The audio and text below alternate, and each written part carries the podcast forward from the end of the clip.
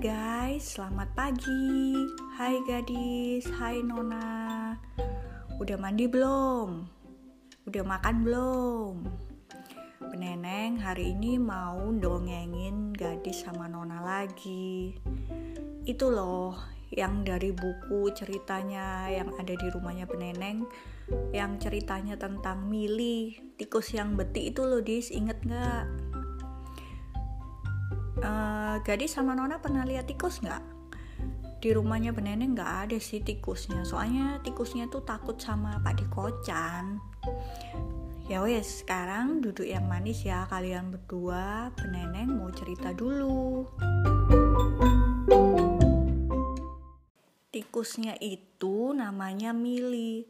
Mili tuh seneng banget di tempat tidur Milih tuh baca buku di tempat tidur, makan juga di tempat tidur, main itu juga di tempat tidur, terus loncat-loncat juga di tempat tidur, kayak gadis sama nona kan. Tapi Mili itu males banget bersihin tempat tidurnya. Mainan sama bukunya itu ada di tempat tidur, keleleran di mana-mana. Terus remah-remah sisa makanannya itu juga ada di tempat tidur. Mamanya Mili bilang, Hei Mili, ayo bersihin tempat tidurnya. Tapi Mili nggak mau. Nggak kayak gadis kan, gadis kan udah bisa merapikan tempat tidur sendiri. Ntar Nona diajari ya Dis ya. Terus suatu hari Mili tuh lagi asik baca di tempat tidur.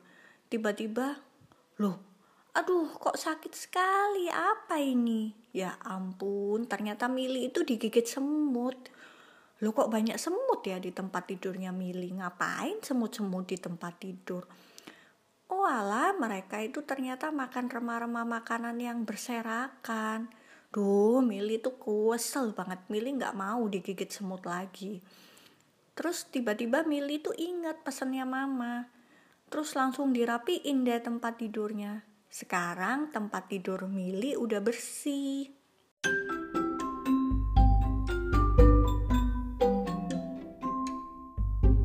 Mili masih suka di tempat tidur, tapi Mili itu udah gak pernah makan lagi di tempat tidur.